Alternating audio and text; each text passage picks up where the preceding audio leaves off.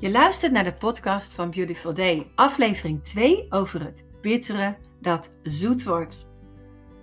Nou, terwijl ik dit aan het opnemen ben, zit ik lekker achter mijn bureau.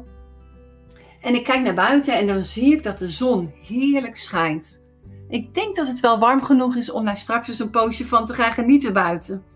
Even die batterij opladen na de lange winter, na de donkere dagen. En dan denk je misschien, nou ja, uh, het is al een tijdje lente hoor. Maar ik moet zeggen, de afgelopen week heb ik daar nog niet zoveel van gemerkt. Met die hagel en die sneeuw. Dan ben je blij met een beetje warmte. Maar stel je nou eens voor dat het een beetje veel warmte is. En nou, straks gebeurt dat ongetwijfeld weer een keer in de zomer. Dat het hartstikke heet is. Maar goed, gelukkig is het weer hier afwisselend.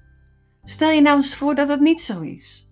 Dat het heet is, dat je door een woestijn loopt. Nou, zeker weten dat je dan niet de woorden heerlijk en genieten gebruikt.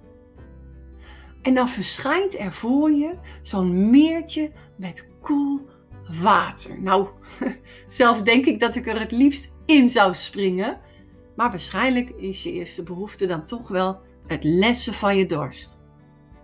Dat was in elk geval wel wat de Israëlieten in de Exodus 15 wilden doen na hun tocht in de woestijn. En hoe groot was hun teleurstelling toen het water niet te drinken was. Het water heette daarom ook Mara, wat bitter en giftig betekent. Maar ook rebelleren, provoceren. En, en ze zijn niet alleen teleurgesteld, maar ronduit kwaad op God dat hij zo vreed is. Maar is dat ook zo? God in al zijn goedheid wil laten zien dat ze van Hem afhankelijk zijn en dat Hij in alle opzichten herstel wil brengen. Ook van de bitterheid in hun harten. Drie dagen geleden waren ze nog dankbaar voor de grote wonderen die God had laten zien. Maar op dit moeilijke moment verstomde dat loflied. Dat loflied dat ze toen nog voor hem zongen en dat brengt me op de volgende vraag. Wat is jouw houding? Wat is mijn houding in tijden van beproeving? Want ook in ons hart kan een bittere bron gekomen zijn. Door de beproevingen, door de moeilijke dingen in ons leven. En waardoor je eigenlijk ook niemand meer vertrouwt. Waardoor je niet meer in liefde kan geloven misschien.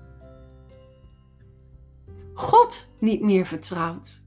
Hem ziet als iemand die alleen maar komt om jou te straffen, alsof hij zich tegen jou keert. En dat laatste geloofde Naomi een moeder in Israël. In haar verhaal in de Bijbel lees je hoe ze terugkeerde naar haar eigen land. Nadat ze alles was kwijtgeraakt. Haar man, haar zonen. En vanuit dit diepe dal moest ze een nieuw begin maken, waar ze haar hoop bijna had verloren. De mensen waren geschokt over de staat waarin ze verkeerden en de vrouwen van Bethlehem vroegen zich af: Is dit Naomi? En zij zei op haar beurt: Noem mij geen Naomi, wat lieflijkheid betekent, meer, maar noem mij Mara, bitter. Nou, de Heer aanwijzen voor alles wat in je leven gebeurt, zowel goede als slechte dingen. Dat was een gangbare manier waarop in het Oude Testament mensen spraken over gebeurtenissen in het leven. Maar het was eigenlijk de beslissing van haar man Elimelech destijds, waardoor het kwaad ingang had gekregen in hun levens. Hij had zijn familie naar een plaats geleid waar God niet wilde dat ze mensen woonden. En niet zelden begint onze bitterheid bij ons eigen handelen, waar we God niet raadplegen. Onze gevoelens van boosheid, afwijzing, pijn zijn in bepaalde omstandigheden op zekere hoogte wel gerechtvaardigd. Maar waar sta je in je relatie met God? Is het niet vaak dat we Hem de schuld geven van dit alles? En toch Naomi die ging met haar woorden een stap verder dan je denkt. Het was niet slechts een daad van ongeloof dat ze deze dingen zei. Nee, wat ze deed, ze beleed wat er in haar hart was. En dit opende de deur voor herstel van de bitterheid in haar leven. Wat weerhoudt de schaamte voor wat in ons hart leeft, ons vaak voor het ontvangen van herstel? David wist dat ook. Zolang hij daarover zweeg, kwijnde zijn gebeente weg, zegt hij in Psalm 32. Maar het doel van ons leven is niet om weg te kwijnen. Het ondrinkbare water van Mara werd zoet. Wanneer? Toen Mozes er een stok in gooide. Een daad van gehoorzaamheid en geloof. Sommigen zeggen dat deze stok het kruis representeert, waar Jezus onze straf droeg. Onze schaamte, onze negatieve emoties en Hij overwon ze door zijn dood en opstanding. Durf je bitterheid aan het licht te brengen.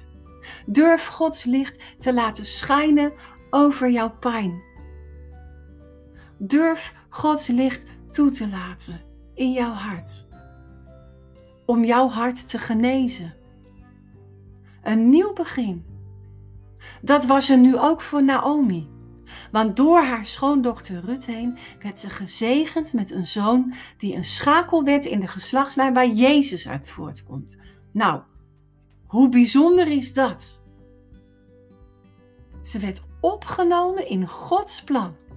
En haar moeilijke verhaal eindigt met een loflied. En zo geloof ik dat als jij door iets bent heen gegaan, of misschien nu nog wel heen gaat, waardoor je verdriet hebt, dat dit niet het einde is van alles. En ook jouw verhaal mag eindigen met een loflied. Er staat van Naomi dat ze zevenvoudige vergoeding kreeg. En zo wil God ook jou zegenen. Het bittere in je leven genezen en zoet maken.